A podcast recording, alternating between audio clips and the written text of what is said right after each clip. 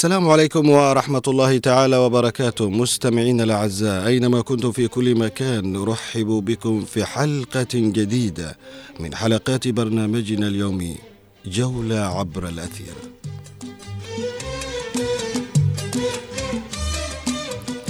موعد جديد مستمعينا الكرام أينما كنتم في كل مكان يتجدد بكم عبر أثير إذاعة هنا عدن على التردد 92.9 فيه نقلب ما عديناه لكم من فقرات متعددة ومتنوعة أهلا بكم جميعا.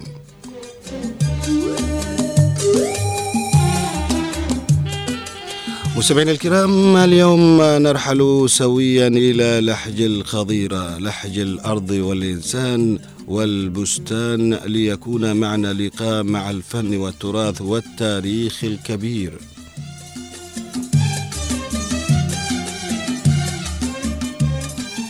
مستمعينا الكرام عندما نكون في لحج لا شك أننا دائما نعتز عندما نتعرف على المحروسة لحج. والمشمش والفل والكادي والياسمين.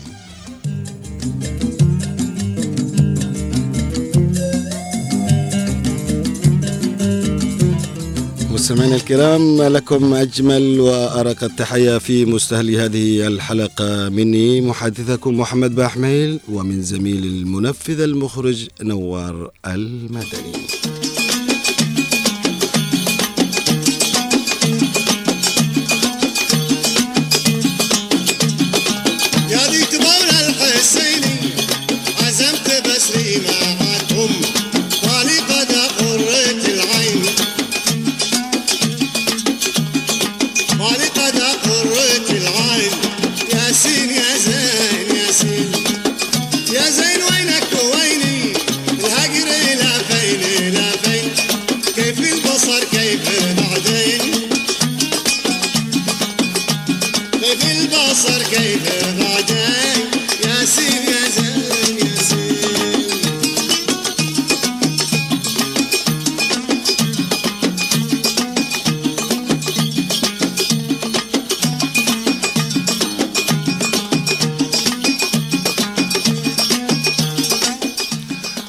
مستمعينا الكرام نسعد دائما باللقاء بكم في هذه الحلقة الجميلة من جولة عبر الأثير. ونحن اليوم نتحدث عن بستان الحسيني في مدن وأماكن. أقربنا يا حبيبي بشكي عليك والبين مستمعينا الأعزاء ارتبط بستان الحسين بالأمير الشاعر أحمد فضل القمندان أكثر من غيره وبرغبته العارمة في إبداع نموذج زراعي متطور ومفعم بالجمال والتنوع مستفيدا من خبراته الزراعية ومن رحلاته الخارجية إلى العديد من الدول كإيطاليا والهند ولبنان ومصر جالبا معه أشجار المانجو والزيتون والعنب والنخيل وغيرها من الأشجار. كما جلب خبراء زراعيين أسهموا في عملية الغرس وتقليم الأشجار.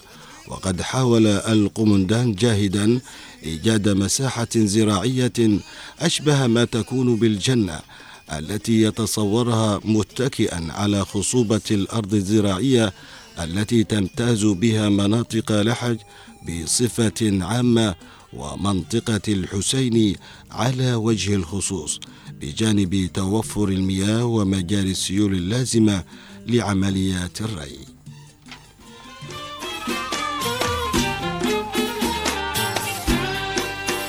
أنا يا أهل الحسين.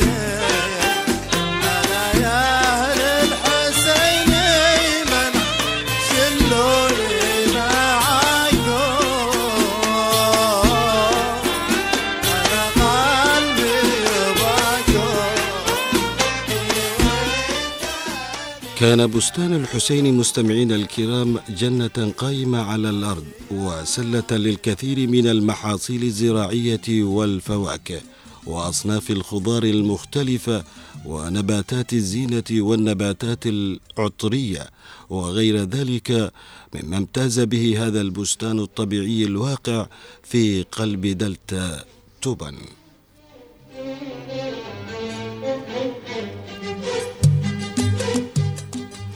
والمتأمل في جغرافية المكان يدرك أن بستان الحسيني يتوسط واديين شهيرين هما الوادي الصغير الذي يحيط به من الجهة اليسرى والوادي الكبير من الجهة اليمنى كما أن منطقة الحسين بصفة عامة هي منطقة زراعية بامتياز وذات موقع مهم بحسب بعض المصادر فإن المنطقة غنية بميائها الجوفية إضافة إلى أنها كانت ذات يوم مهدا لنشوء حضارات زراعية قديمة لم يتم الكشف عن مكنوناتها بعد استثناء منطقة الرعارع عاصمة لحج القديمة ووادي طير الذي سمي بهذا الاسم لكثرة الطيور فيه.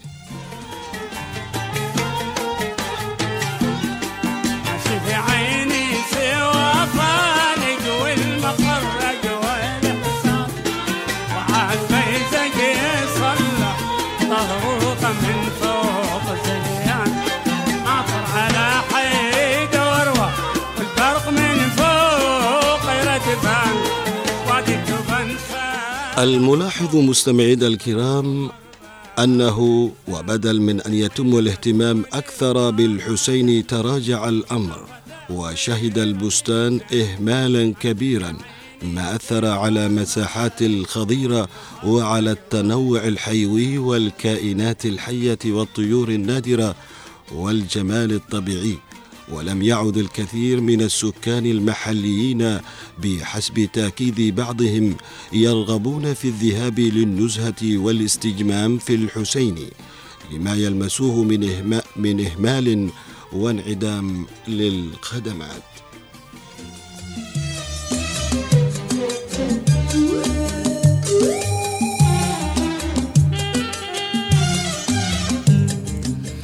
مستمعينا الكرام في الآونة الأخيرة بدأ الكثيرون بالبناء والبسط العشوائي داخل المناطق التابعة لبستان الحسين وفي حين يؤكد معنيون في مكتب الثقافة على خطورة مثل هذه الاستحداثات الغير شرعية. على هذا الموقع السياحي تحذر أوساط مجتمعية أيضا من مغبة تجاهل التحديثات المرتبطة بالحسين وبقدرته على العطاء والاستمرار مطالبة قيادة المحافظة بضرورة التدخل لإنقاذ بستان الحسين باعتباره جزءا لا يتجزأ من ذاكرة لحج وتاريخها العريق.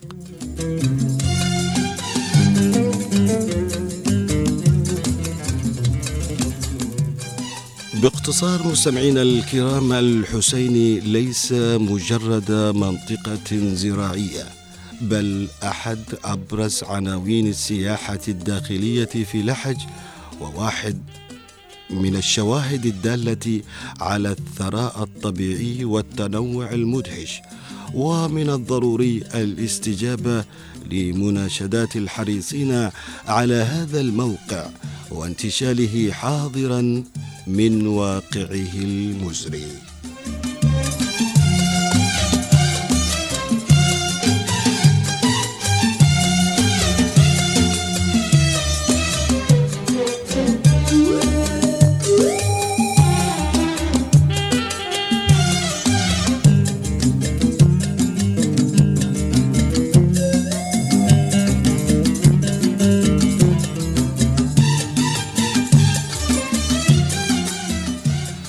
مستمعينا الكرام أينما كنتم في م...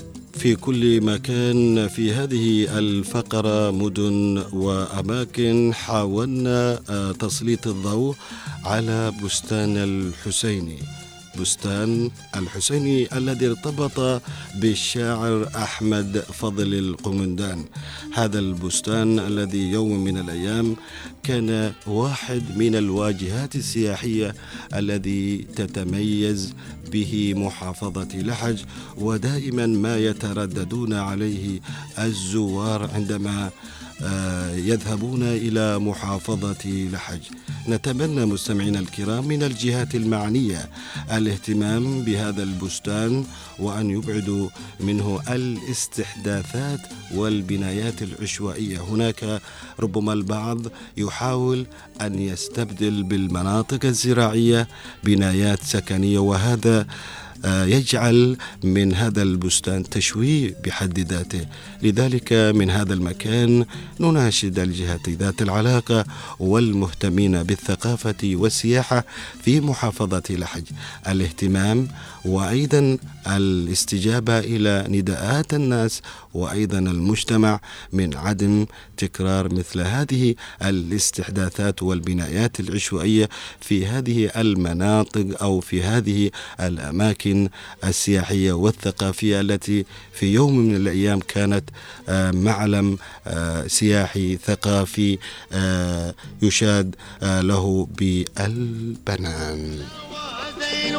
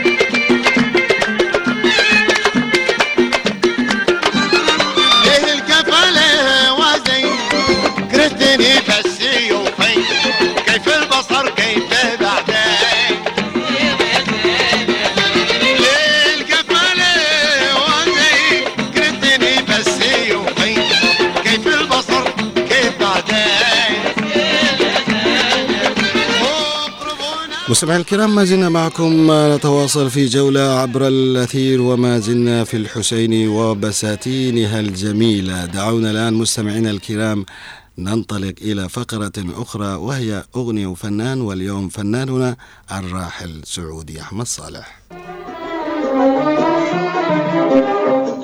كيف فعل بقلبي كيف فعل بقلبي؟ دي ماشي خلا وما قنعت قلبي ما قنعت قلبي من حبك رجع كيف فعل بقلبي كيف فعل بقلبي؟ دي ماشي خلا وما قنعت قلبي ما قنعت قلبي من حبك رجع مستمعينا الأعزاء لكل زمن فنه وفنانه ولكل ال... ولكن الفن والفنان اللحجي ليس له وقت. فأينما حل أطرب وكيفما أطرب أبهج. سميت الأغنية اللحجية باسمه لكونها واحدة من الأغنيات الجميلة على الرغم من فترات الركود التي أضرت هذا الفن الجميل. يا ظالم لقلبي في حبك أنا يا ظالم لقلبي في حبك أنا بكى وفناننا اليوم مستمعين ل- الكرام من ذلك الزمن الجميل هو حنجرة نادرة عاشق الكلمة والنغم الراقي. أثرى الساحة الفنية اللحجية بالعديد من الألحان على مدى أعوام طويلة غمرته سنون النسيان بغبارها حتى توفي ولكنه يبقى في ذاكرة الفن الأصيل جوهرة ثمينة لا ينال منها الغبار والصدى. بشكي قد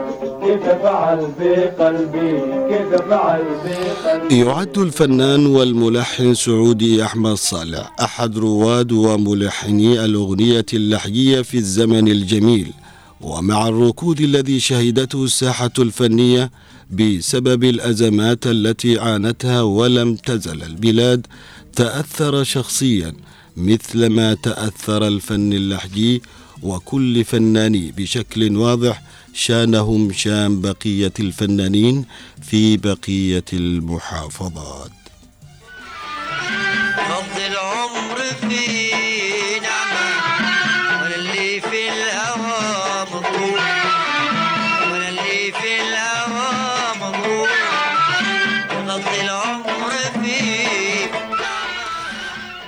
ولد سعودي أحمد صالح في المحروسة لحج وبعد أن درس في الكتاب أكمل الإعدادية في المدرسة المحسنية في العام 1959 ثم عمل موظفا في إدارة الزراعة بلحج بعدها اشتغل مدرسا حتى تقاعده.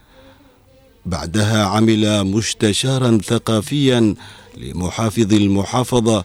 حصل على درجة الامتياز بالإذاعة والتلفزيون في تصنيف الفنانين والملحنين.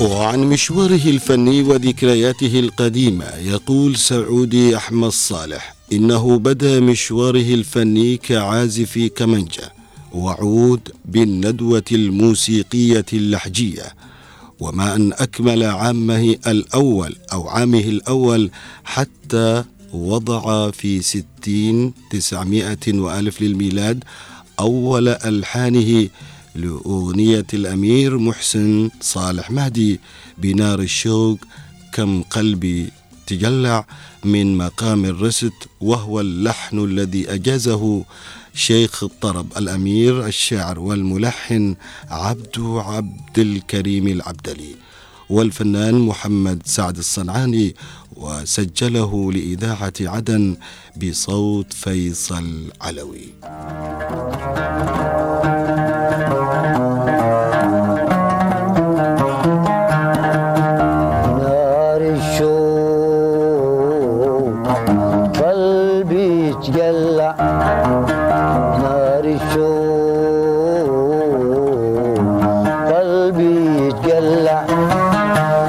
محروق ولا واحد دريبه مسا محروق ولا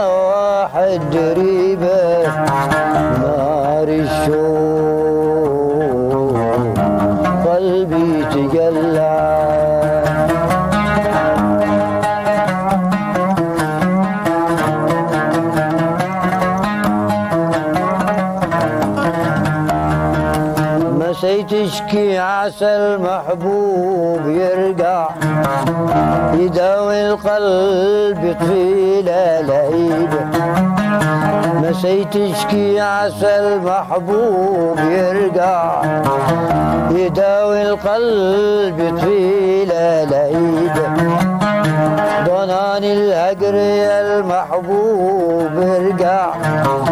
وداوي القلب ذي أنت طبيبه مستمعين الأعزاء وفي تصريحات صحفية سابقة قال الفنان الراحل سعودي أحمد صالح تركت الندوة الموسيقية اللحجية التي كان يديرها الملحن صلاح كرد في عام 1961 وانتسبت إلى ندوة الجنوب الموسيقية بقيادة الموسيقار فضل محمد اللحجي وهناك وضعت ثاني ألحاني أنا والعقل في حيرة من كلمات أحمد سيف ثابت وغنى. علي سعود العودي. أنا والعقل في حيرة على ذاك الجميل أنا والعقل في حيرة على ذاك الجميل فكر دوب في أمره نمشي في شعيل فكر دوب في أمره ونمشي في شعير. بلا ميعاد صادفته وأنا عابر سبيل. بلا ميعاد صادفته وأنا عابر سبيل. ولما حس بي شفته مني قليل. لما حس بي شفته قرب مني قليل. أنا والعقل فيه على ذاك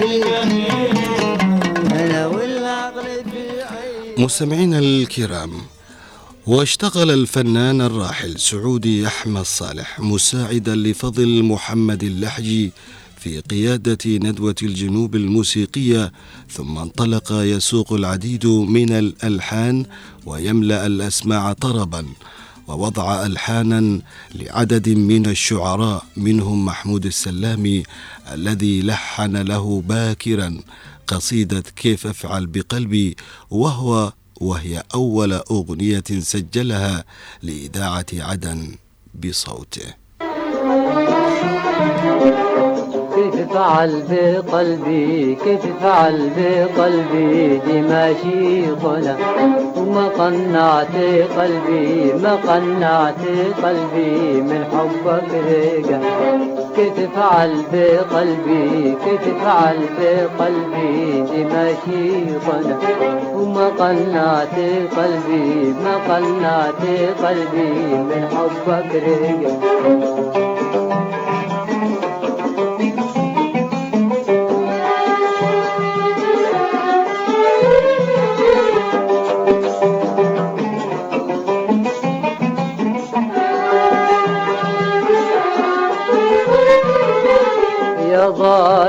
لقلبي في حبك أنا يا ظالم لقلبي.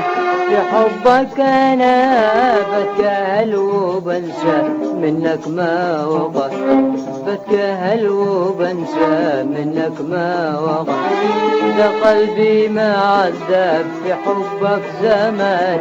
داق المر منك كلها والهوان. ده قلبي ما عذب في حبك زمان. والشاعر سعودي أحمد صالح مستمعينا الكرام يعد من الرعيل الأول في الغناء وتميزت ألحانه الجميلة في الغناء اللحيي الأصيل وغنى له عددا من الفنانين منهم الفنان الراحل عبد الكريم توفيق وعدد من الفنانين الآخرين. وبرحيله أو برحيل القامة الفنية والملحن سعودي أحمد صالح خسرت محافظة لحج أحد كبار الفنانين والملحنين بالمحافظة والوطن.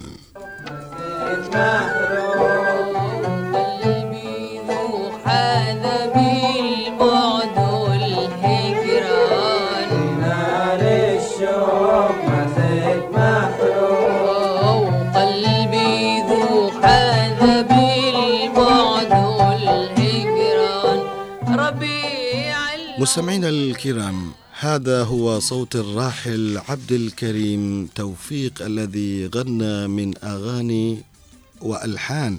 آه، طبعا الفنان الراحل سعودي أحمد صالح. والفنان سعودي أحمد صالح مثل ما ذكرنا هو واحد من الفنانين الذين غنوا وتغنوا بلحج حمله أو آه، نساه آه، المسؤولون. وأيضا آه، أهمله الكثيرون ولكنه ترك ذكرى جميلة جدا في الوسط الفني والثقافي. رحمة الله عليه وأسكنه الفسيح. جنات طبعا توفي في 2023 تاريخ آه، 5 يونيو. شو بيني وبينك؟ قل لي شو السبب تشحرني بعينك أكافي غضب. شو بيني وبينك؟ قل لي شو السبب؟ تشحرني بعينك أكافي غضب. ده النسيان منك أو حد علمك أو حد يا حبيبي بالكذب وامك ده النسيان منك أو حد علمك أو حد يا حبيبي بالكذب وامك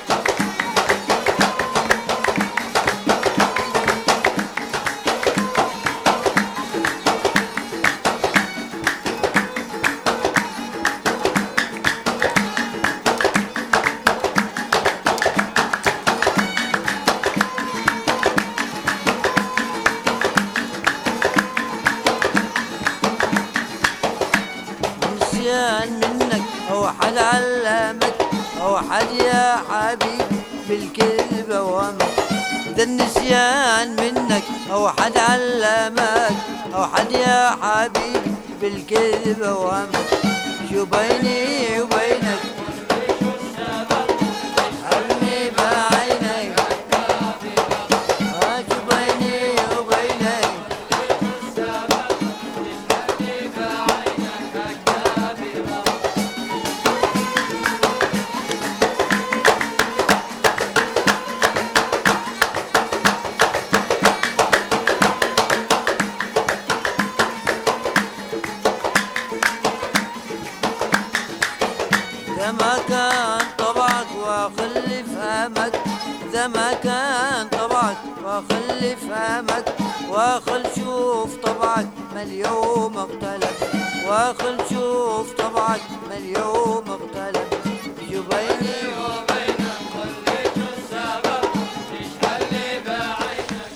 مستمعينا الكرام ما زلنا معكم نتواصل في جولة عبر الأثير وما زلنا في لحج الخضيرة لحج الأرض والإنسان والبستان. والآن وفي فقرة ألو وينك معي الكاتب آه، الأد- الأديب آه، محسن كرد.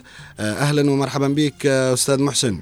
أهلين وسهلين ويا مرحبا. يا مرحبا فيك. أولا عاج من سمع صوتك يا أستاذ محسن. و- كذلك. و- عاد نسمع أصواتكم. نعم، في, إذاعة هنا يعني إذاعة متميزة. حياك الله. وأنت مميز دائما يا أستاذ الله محسن. يحفظكم ما قصرتوا. وينك أنت الآن؟ أنا في حوطه لحق المحروسة بالله تعالى. بإذن الله تعالى. هي دائما محروسة بالله. الله يحفظكم. آه اليوم ونحن في فقرة ألو وينك آه هذه الفقرة خصصناها لكوادر آه بلادنا في الجنوب. وأنت واحد من هذه الكوادر الصحفية وأيضا الإبداعية الثقافية التي كتبت عن لحج كتبت عن الفن والتراث. لو نسألك آه سؤال أستاذ آه محسن كرد يعني آه لماذا تكتب عن لحج؟ شكرا. لحق هذه هي هي مركز الإبداع. لحق تميزت آه، منذ قديم الزمان. نعم. لانها بلاد الثقافة والأدب والشعر والزراعة. نعم. وكانت ما وكانت مركز إشاع وطني. مهم. لحج ولحج يعني احتضنت الكثير من ال- القادة ومن ال ومن أبنائها الشعراء والأدباء والمثقفين. وحتى اليوم لحج لا زالت. حتى هذه اللحظة نعم. آه، فيها الكثير من المبدعين. صحيح. وتميزت لحج عن غير عن غيراتها عن عن عن ال- المناطق الأخرى. من حيث هي لحج هي واحة. نعم. واحة زراعية وهي تكتنز الكثير من الموروثات الثقافية والأدبية في شتى مناحي الحياة. صحيح. ولحق القمندان لحق عبد الله هادي سويد. آه لحق صالح مهدي لحق صالح نصيب لحق نعم، مسرور مبروك نعم. لحق صالح مهدي بن علي العبدلي. لحق كثير من المبدعين لحق محمد علي القفري. ما شاء الله. أول من أسس الرابطة هو من هو من اللي عاش في لحق. نعم. ولحق الفنانين فضل محمد اللحقي وحسن عطا وصلاح كرد وأسطورة لحق فيصل علوي.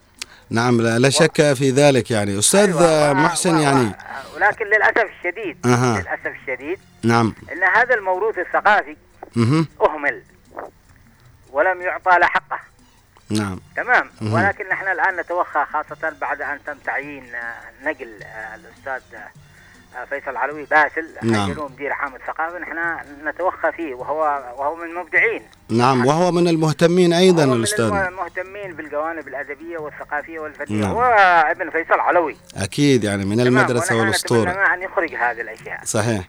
ونحن إن شاء الله عما قريب آه، سوف نكون عونا له. بإذن الله إن أيوة، شاء الله كلنا كلنا ليس أنتم فقط أيضاً وإنما تكونوا كل معنا. الإعلام سوف. نحضر حتى سوف نحضر لإعادة مهرجان القمندان الثقافي. نعم ونحن في صدد آه، آه، حوارنا اليوم. لكن آه، أستاذ محسن كرد يعني نعلم يقينا أنك كاتب ثقافي وفني بلحج أبرز الكتابات التي أشغلتك في مجالي الفن والثقافة والثقافة لا سيما التراثية. نحن أنا بدأت هذه الكتابة عن عن تراث لحج من منذ نهاية السبعينات. وأنا اكتب عن تراث لحج الثقافي والفني والإبداعي وكتبت اولا كنت في إذاعة الشعب المحلية. نعم. كنت أكتب وكانوا يذيعوا هذه ال- الأشياء اللي نكتبها.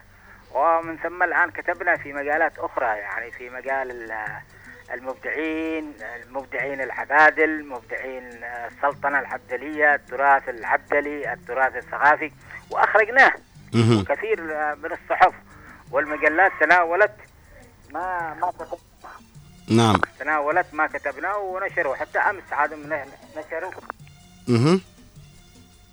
ألو يبدو نعم. صحيفة ال- الأمناء نشرت موضوع من التراث اللي. لو أنت طلعت على اللو عنها صحيفة الأمناء نشروا كثير من المواضيع حقنا وعدن تايم نشروا. والأيام نشرت. وكثير من ال- وسائل الإعلام آه، والتواصل الاجتماعي نشروا ما نكتبه. نعم. وسنظل نكتب. بإذن الله. وسنظل نخرج كنوز لحج نعم. لحج تك- تكتنز كثير من الكنوز. حتى الآن لم لم يتم آه، الاهتمام بها وإخراجها إلى الوجود نعم. أستاذ محسن كرد يعني نحن في بداية آه، حلقتنا آه، تحدثنا عن مدن وأماكن وكنا نتحدث عن بستان الحسيني هذا البستان الكبير السياحي الذي آه، تحدث عنه الكثير بأنه طاله النسيان أو البنايات العشوائية. كيف حال البستان اليوم؟ هذه الواجهة السياحية. شوف هو بستان ال- ال- الحسيني كان هو إلهام لكثير من الشعراء والمبدعين. مم. قمندان وعبد العزيز السويد كثير من الشعراء كانوا يستلهموا من بستان ال- القمندان وإبداعاتهم كانت مركزة. ال- القمندان اعطى حيز كبير للبستان الحسيني في إبداعاته. للأسف الشديد حتى هذه اللحظة لم عاد يتم الاهتمام لا ببستان الحسيني ولا في كثير من البساتين وهذا هو حال بساتين لحج يعني بدأ بدأ العشوائيات تغزو العشوائيات تغزو هذا البستان.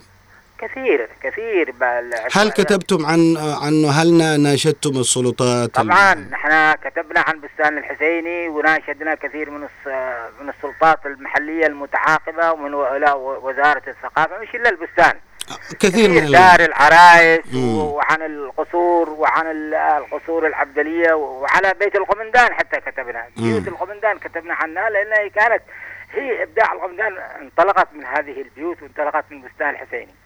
كتبنا ولم يستمع إلينا أحد والآن هذه فرصة من خلال هذه الإذاعة الطيبة مهم. والعاملين فيها وأنت أبرزهم الله يحفظك. نناشد مهم. وزارة الثقافة ونناشد السلطة المحلية ونناشد آه، المنظمات المعنية بالحفاظ على التراث الثقافي والفني الاهتمام بمعالم لحج الثقافية والاهتمام بالبساتين والاهتمام بكل ما هو كان آه، رأى- كان من- من ضمن ال- المعالم ال- ال- التي استلهمت منها لحج لحج كانت حاضرة الجنوب العربي. نعم.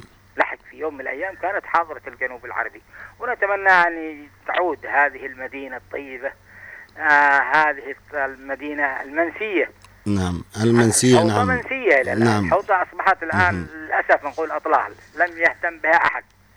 للأسف الشديد. من خلالكم أن, أن, أن تضموا صوتكم مع صوتنا. بإذن الله وصوتك. دائما أن هو جوهر لحج أن نعيد ألق لحج وأن نعيد مش إلا في لحج في كل ال- ال- المناطق الجنوبية أن يتم الاهتمام بالثقافة والتراث.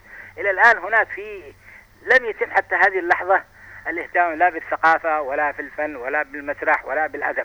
نعم. طيب نعم. طيب أستاذ آه، محسن يعني وأنت آه، من المهتمين في آه، الثقافة والفن والأدب. ما هو تقييمك لدور الإعلام اليوم في إبراز الكتابات الثقافية والفنية خاصة التراثية هل تعتقد أن الإعلام خدم الثقافة؟ إن كان حقا كيف؟ وإن كان هناك آه، تقصير ما هي الأسباب؟ لا يعني نحن لا نظلم الإعلام. الإعلام بصراحة بدأ بدأ بخطوات طيبة والدليل على ذلك هذا اللقاء اللي الآن تقروه معي.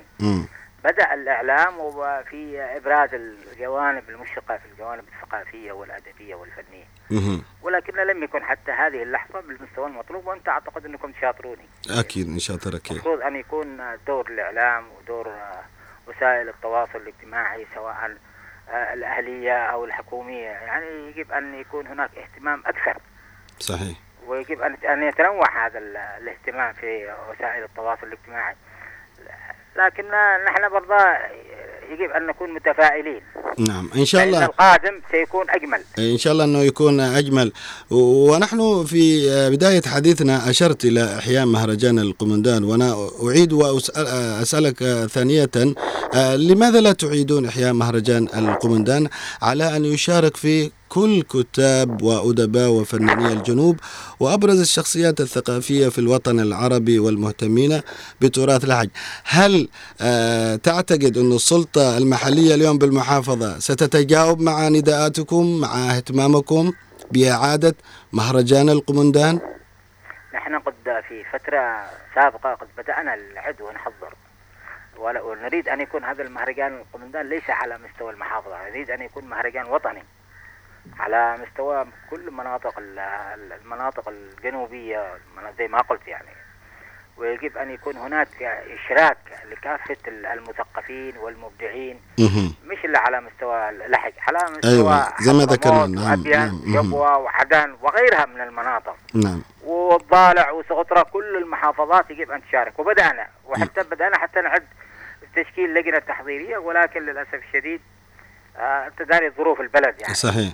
ظروف البلد الآن اللي تعيش البلد الآن الناس مركزين على الجوانب ال- المعيشية وعلى الجوانب الخدمية وعلى الظروف لا زالت يعني غير مواتية ولكن نحن خلال الفترة القادمة زي ما قلت لك مم. وبتعاون مع السلطة المحلية وبتعاون مع مكتب الثقافة في المحافظة وبتعاون مع وزارة الثقافة إن شاء الله سوف نطرق هذا الباب وسوف نعمل على ضرورة أن يكون هناك مهرجانا وطنيا للأمير أمير الشعر نعم. والموسيقى والغناء أحمد فضل بن علي محسن العبدلي القمندان نعم هذا نعم. اللي نحن نرجوه وأنتم و... أيضا ونحن نتمنى ذلك لأنه القمندان علم من الأعلام الفنية والثقافية لا شك آه، أننا بحرارة نتلهف إلى هذا المهرجان يعني أستاذ محسن يعني آه، لنكن حريصين أو صريحين أيضا هل السلطة المحلية بالمحافظة فعلا مهتمة بالثقافة والأدب؟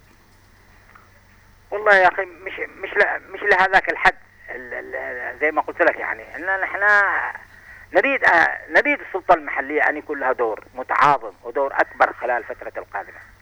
لكن حتى هذه اللحظة أنت داري يعني إن دور ال- السلطة المحلية حتى لم يكن آه، مرضي ولم يكن بالمستوى المطلوب. ولكن نحن أيضا آه، لا نقف عند هذا الحد.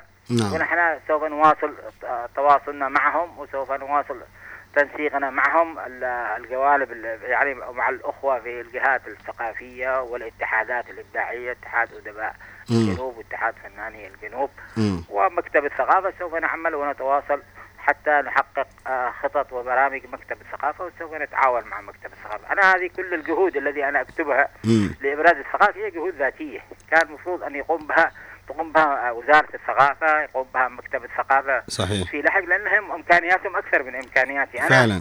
إمكانياتي آه، ذاتية يعني. أنا لم أستلم أي- ولكنك آه، عرفت الناس بثقافة وأيضا طبعاً. فن لحج كتاباتك كلها كانت تحكي هذا الجوانب الفنية لم تكن يوم من الأيام آه، أن تسيء للحج ولكن دائما تعطينا الوجه الجمالي. على اللحج والله العظيم الله. أنت للأمانة يعني واحد من الكتاب اللي برضو كمان السلطة المحلية بالمحافظة أن تهتم بمثل هكذا كوادر يعني أنا شوف إلى إلى هذه اللحظة نحن صدرنا ست نشرات ست نشرات يعني بأبرز مبدعين آه، محافظة لحج القمندان وصالح مهدي وعبد الله هادي سويد ومحمد سعد الصنعاني ومحسن من صالح مهدي ومحسن ومحسن بن أحمد مهدي كلها هذه وكان بتعاون بتعاون مع حفيدة القمندان.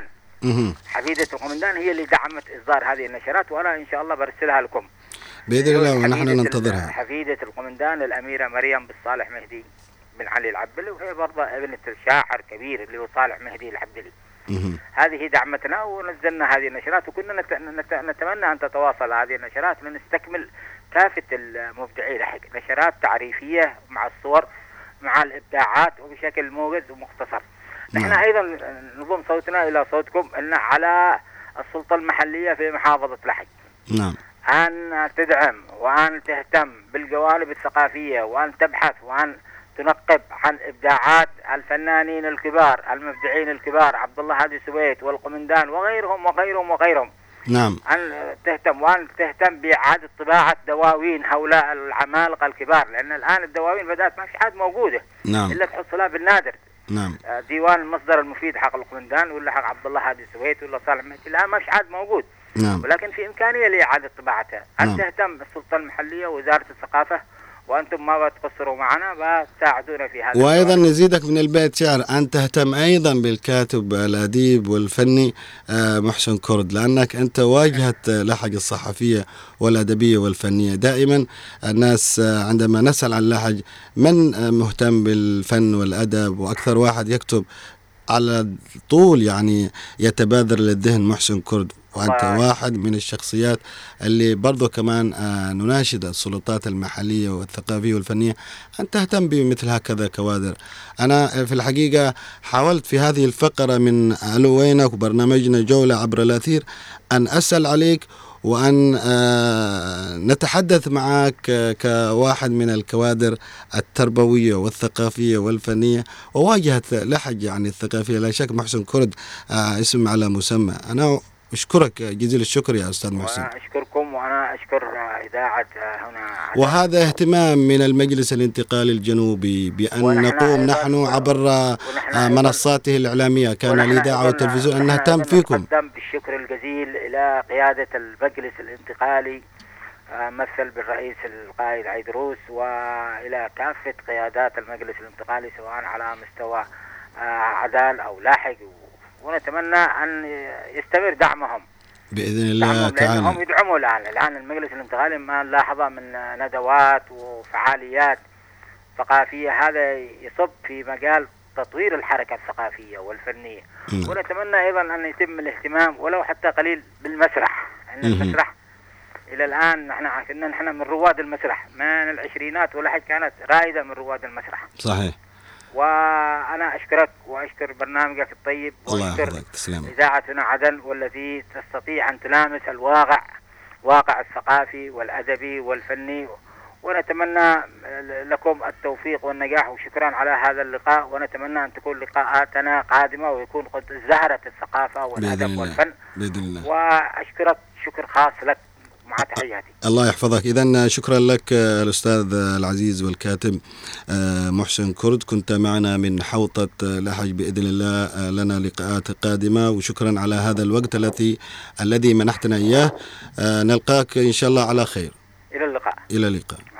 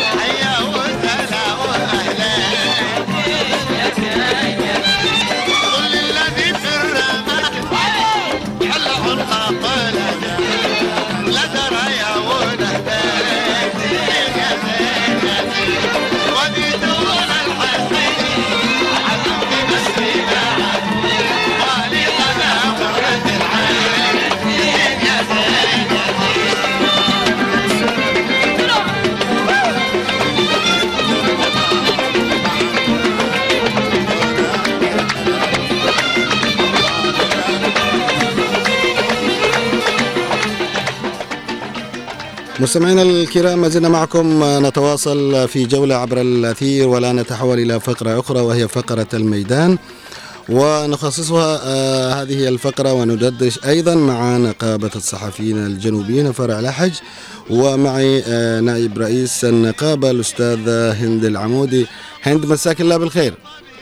أهلين حياك الله. نرحب بك عبر أثير إذاعة هنا عدن. وفي هذه الفقرة نحاول أن نتعرف عن جهودكم الصحفية والإعلامية أيضا. أنتم في النقابة آه، خاصة وأنه النقابة بشكل عام مر عليها آه، عام من التأسيس. احتفلنا في الثامن عشر من يناير من العام 2002 أو 23 وأيضا آه، هذا العرس شهد الكثير من الحضور الإعلامي العربي وأيضا الجنوبي من كل المحافظات. آه، كيف تحدثين عن هذه النقابة أنتم في لحج طبعا شكرا لك محمد على هذه الفرصة. السعيدة أن نتشرف بكم في هذا الطرح الجميل.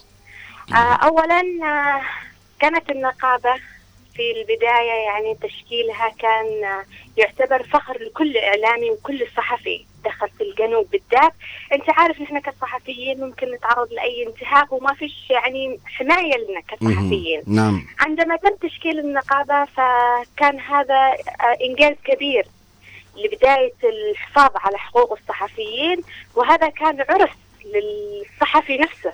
أيوة. آه، طبعا تشكلت النقابة وعندنا هنا داخل محافظة لاحق. نحن الآن نحاول أننا نعمل بكل ما فينا يعني كل ما اتيحت لنا من فرصة أننا نبذل كافة ال- الجهود لاستقبال أعضاء النقابة أو بالأصح توزيع عضوية للصحفيين لكي يتم حفاظ حقوقهم. صحيح.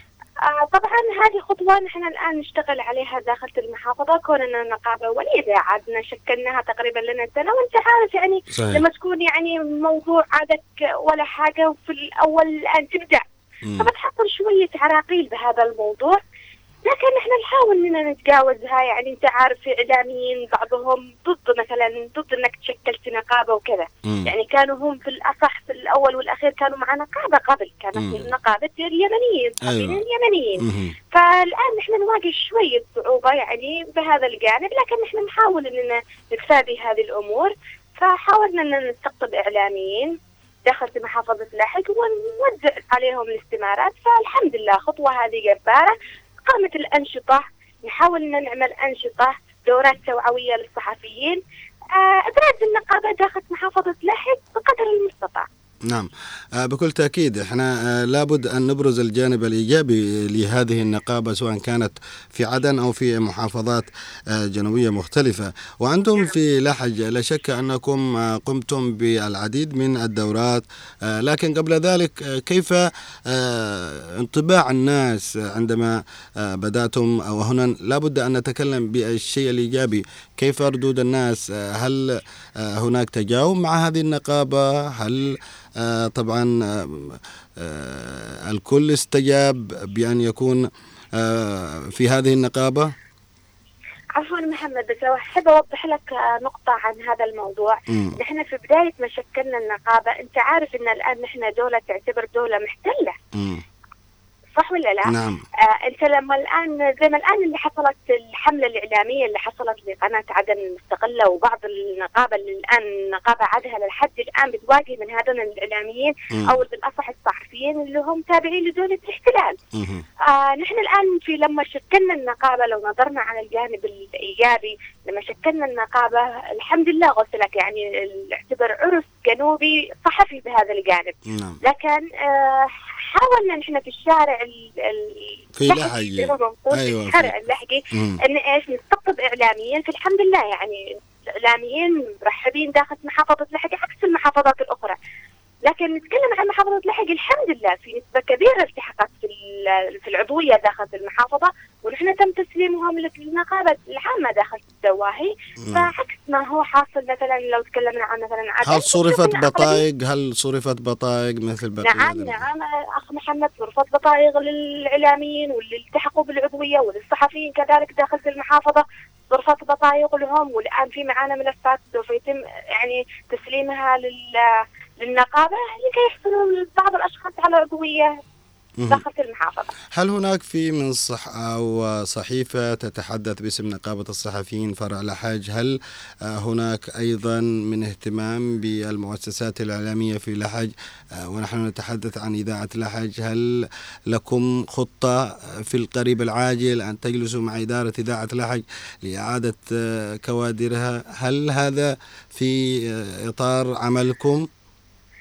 آه شوف آه بخصوص آه الصحيفة للآن نحن ما في معنا أي صحيفة خاصة داخل النقابة إنما نحن بنحاول إن نشوف مثلا الإعلاميين بعض الصحف اللي بتنشر لنا الأخبار اللي متعلقة بأعمال النقابة زي مثلا صحيفة الأمناء وصحيفة آه، 4 مايو يعني هذه الصحف إن إحنا بنحاول نرسل لهم الأخبار الحمد لله بيغطوا معنا بعض المواقع كذلك بتغطي معنا الأخبار.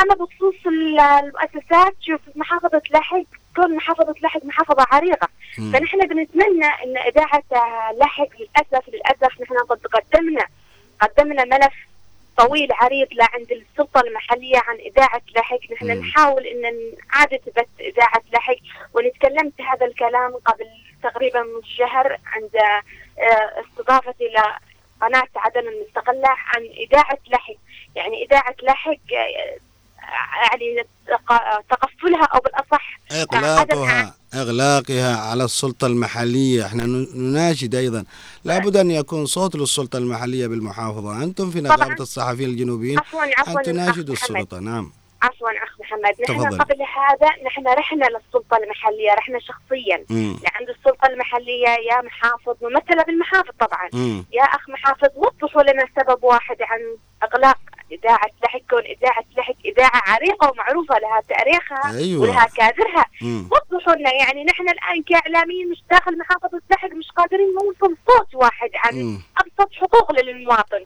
نعم دخلت المحافظة لا يقعش إنه مثلا معانا إعلاميين معانا كادر داخل محافظة لحق مش قادر ينقل صوته يعني مش معقول إنه في إعلاميين انتقلوا لإذاعة هنا عدن وتلفزيون كمان عدن هي السلطة نفسها في محافظة طيب، لحج هذه بتكون محافظة بلسانها يعني. عفوا يا أخ. محمد. تعالي يا محافظ وضح لنا بس سبب واحد. تحصل في نفور. طيب خلاص okay النفور على المحافظ okay. يا أستاذ محمد العمودي هو مدير الإذاعة. نعم نعم. نعم تحية تعال وضح لنا نحن رحنا لعنده لننقود يعني داخل المبنى حق الإذاعة. أيوة. تعال وضح لنا سبب واحد تقفل الإذاعة. مم. يعني المبنى مؤهل يا أخ محمد. المبنى مؤهل المبنى موجود. هي الإذاعة في أحد قصور طيب ال يقولوا لك طيب أنت عارف لحظه آه. عفوا. نحن تكلمنا مع الحارسي اللي موجود داخل الإذاعة. طيب يا أخي فين مم. الأجهزة؟ يعني ما حصلنا المدير فين الأجهزة؟ فين. يجي يقول لك والله أنا مش عارف. طيب يا مدير تعالوا وضحوا لنا سبب تقفل الإذاعة. متهربين. يعني تحسوا النفور بشكل غير طبيعي النفور. مم. يعني مبنى موجود أجهزة موجودة. نحن كنقابة بنوصل أصواتكم للجهات المعنية. في هذا الأمر تساعدكم لإعادة البث لإعادة الكادر داخل المحافظة لحج نعم. يعني ما يقعش اللي حاصل الآن داخل المحافظة داخل المحافظة إذاعة مقفلة. مم. مبناها صباح هل في أستاذة هند يعني تفضل. هل في نية من السلطة بأنها بتفتح الإذاعة يعني؟ شوف لو حصلت ضغوطات يعني أكلمك أخ محمد من من الضغوطات؟ من من؟ ضغوطات من الجهة المختصة مثلا الهيئة الإعلامية لو لو. فرضت على ال- السلطة المحلية أو فرضت على مدير الإذاعة إنه يتم إعادة البث لأنه موجودة معهم الأجهزة. مم. موجود في معاهم جهاز حق البث أعتقد إنه موجود. يعني مم. بس مش عارفين إيش السبب إيش السبب إنهم رافضين يتم بثها. نعم. طيب وإيش المانع؟ طيب إيش المانع؟ والله قلت لك ما حد أوضح لنا إيش المانع. يعني لا مدير الإذاعة أوضح لنا لا السلطة المحلية أوضحت لنا مثلا المحافظ ما حد راضي يوضح إيش السبب. يعني نحن حاولنا بكل ما يعني بكل ما قدرنا يعني إنك تعال وضحوا يا جماعة ما يقعش إذاعة يعني طيب هي هي هي هل في أجهزة يعني عندما أنتم تناشدون هل في عارفه موجودة؟ شوف أنا لما رحنا للمبنى يا أخ محمد رحنا للمبنى شفنا المبنى قلت لك معها في معاهم جهاز مش عارفة بيقولوا هذا حق البث. يعني البث. في النقابة تناشدون السلطة بأن تفتح الإذاعة والأجهزة عادة مش بالعكس بالعكس الآن قلت لك في الجهاز يمكن حاجات بسيطة يا أخ محمد يمكن في ما بتكلفش مبالغ حتى يعني ضخمة إنها اعاده بثها. موجود موجود كل حاجة معاهم موجودة. بس يجي يقولوا لك الأجهزة طيب أجهزة عادي هذه أجهزة بسيطة ممكن أي مثلا أي جهه تتبنى إن اعاده البث نعم. بس تعالوا وضحوا هذا طبعا كلام الحاسج هو موجود. نعم. لكن مدير الإذاعة السلطة المحلية داخل المحافظة ما حد يتخاطب معك بهذا الشيء. نعم. طيب ونحن في آه، ختام هذا اللقاء آه، أستاذة هند. إحنا الحقيقة آه، فقط حاول في هذه ال- الفقرة أنه نتعرف على نشاطكم نتعرف أيضا على اهتمامكم بالجانب الصحفي والإعلامي. تعرفنا أنه تواجهون صعوبة في مسألة فتح إذاعة الحج وهذا إن شاء الله بتناقشوه مع الجهات ذات العلاقة. ونحن في نهاية هذا الحديث نحب أن نشكرك جزيل الشكر. الأستاذة هنا آه، هند العمودي نائبة رئيس نقابة الصحفيين الجنوبيين فرع محافظة لاحج آه، شكرا جزيلا لك. إن شاء الله آه، نلقاك على خير. وهناك الكثير من الأعمال وأيضا المناشط في النقابة راح نسلط عليها الضوء بإذن الله في قادم الأيام. يلا شكرا جزيلا. إذا مستمعينا الكرام آه، لم يبقى إلا نفسا للتحية. لكم التحايا مني محدثكم محمد باحميل ومن زميلي نوار المدني. شكرا لكم. استمتعنا الحقيقة في هذه الحلقة. كوننا آه، في لحج زرنا الحسيني الذي يعاني الإهمال. آه، تعرفنا على واحد من كوادر الصحافة والفن والأدب آه، محسن كرد وأيضا نقابة الصحفيين الجنوبيين فرع لحج الذي هي الأخرى آه، تقدم نشاطات وأيضا أعمال للصحفيين بالإضافة إلى أنها تعاني آه، مشكلة آه، فتح إذاعة لحج وهذا العمل إن شاء الله يناقشوه. مع آه، السلطة المحلية بالمحافظة وهيئة آه، الإذاعة والتلفزيون. شكرا لكم. أتمنى بأنني آه، قد وفقت في تقديم هذه الحلقة وإلى اللقاء.